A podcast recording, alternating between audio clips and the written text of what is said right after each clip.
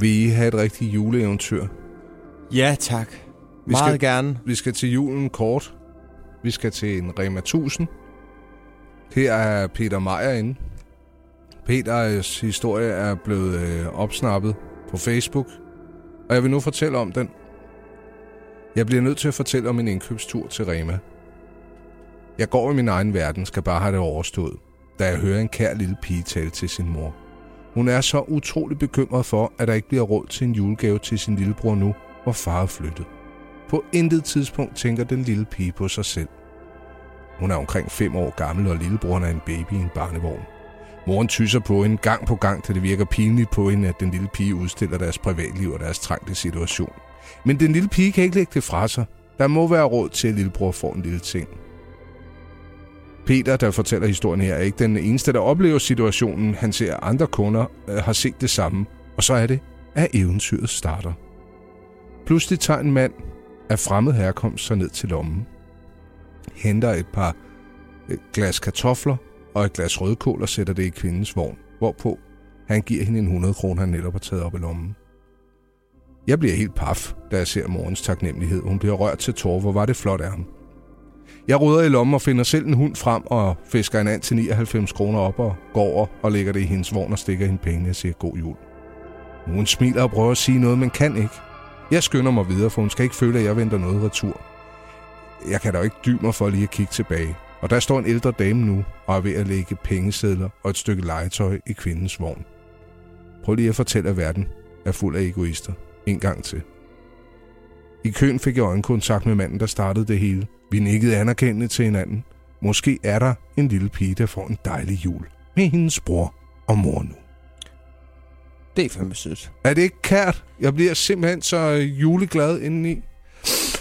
Må jeg ved en vis tilfældighed låne et par af jeres børn her i eftermiddag? Når du skal ud og købe ind. Ja. Hvad så er det... Ja, hvis du Er det- gider at have en et par timer, så vil det da være fint, Kasper, hvis Ja. du kan få noget ud af det. Er det trængt med, med julebudgettet, Kasper? Nej, Presser det, det? det ved jeg da ikke, om det er, men jeg har da lige øjnet en uh, mulighed for at, at få lidt flere gaver med hjem Ja. til jul. Jamen, jeg ved du hvad, Kasper, jeg er faktisk i den uheldige situation, at jeg har glemt alle mine penge. Alle mine kontanter Nå, men det derhjemme. bare et barn, han skal Ja, ja, jeg skal bare låne din uh, datter. Nå ja, det. Bare et par timer. Men det, du vil lægge mærke til, når du har min datter ud, det er, at hun ikke tænker på Carstens datter, men hun sandsynligvis vil stå henne ved, øh, ved alt, hvad der hedder slik og råb. Jeg vil have! Jeg er ikke sikker på, at det er noget, som folk i butikken ikke har set før. Jo. Vel? Ja, hun gav ikke nogen god skuespiller. Nej, hun er bare opdraget af sin far. Hvad kan jeg sige? Men øh, hvad kan vi lære af det her? Øh, husk at have kontanter i lommen, så du Ja. kan glæde andre.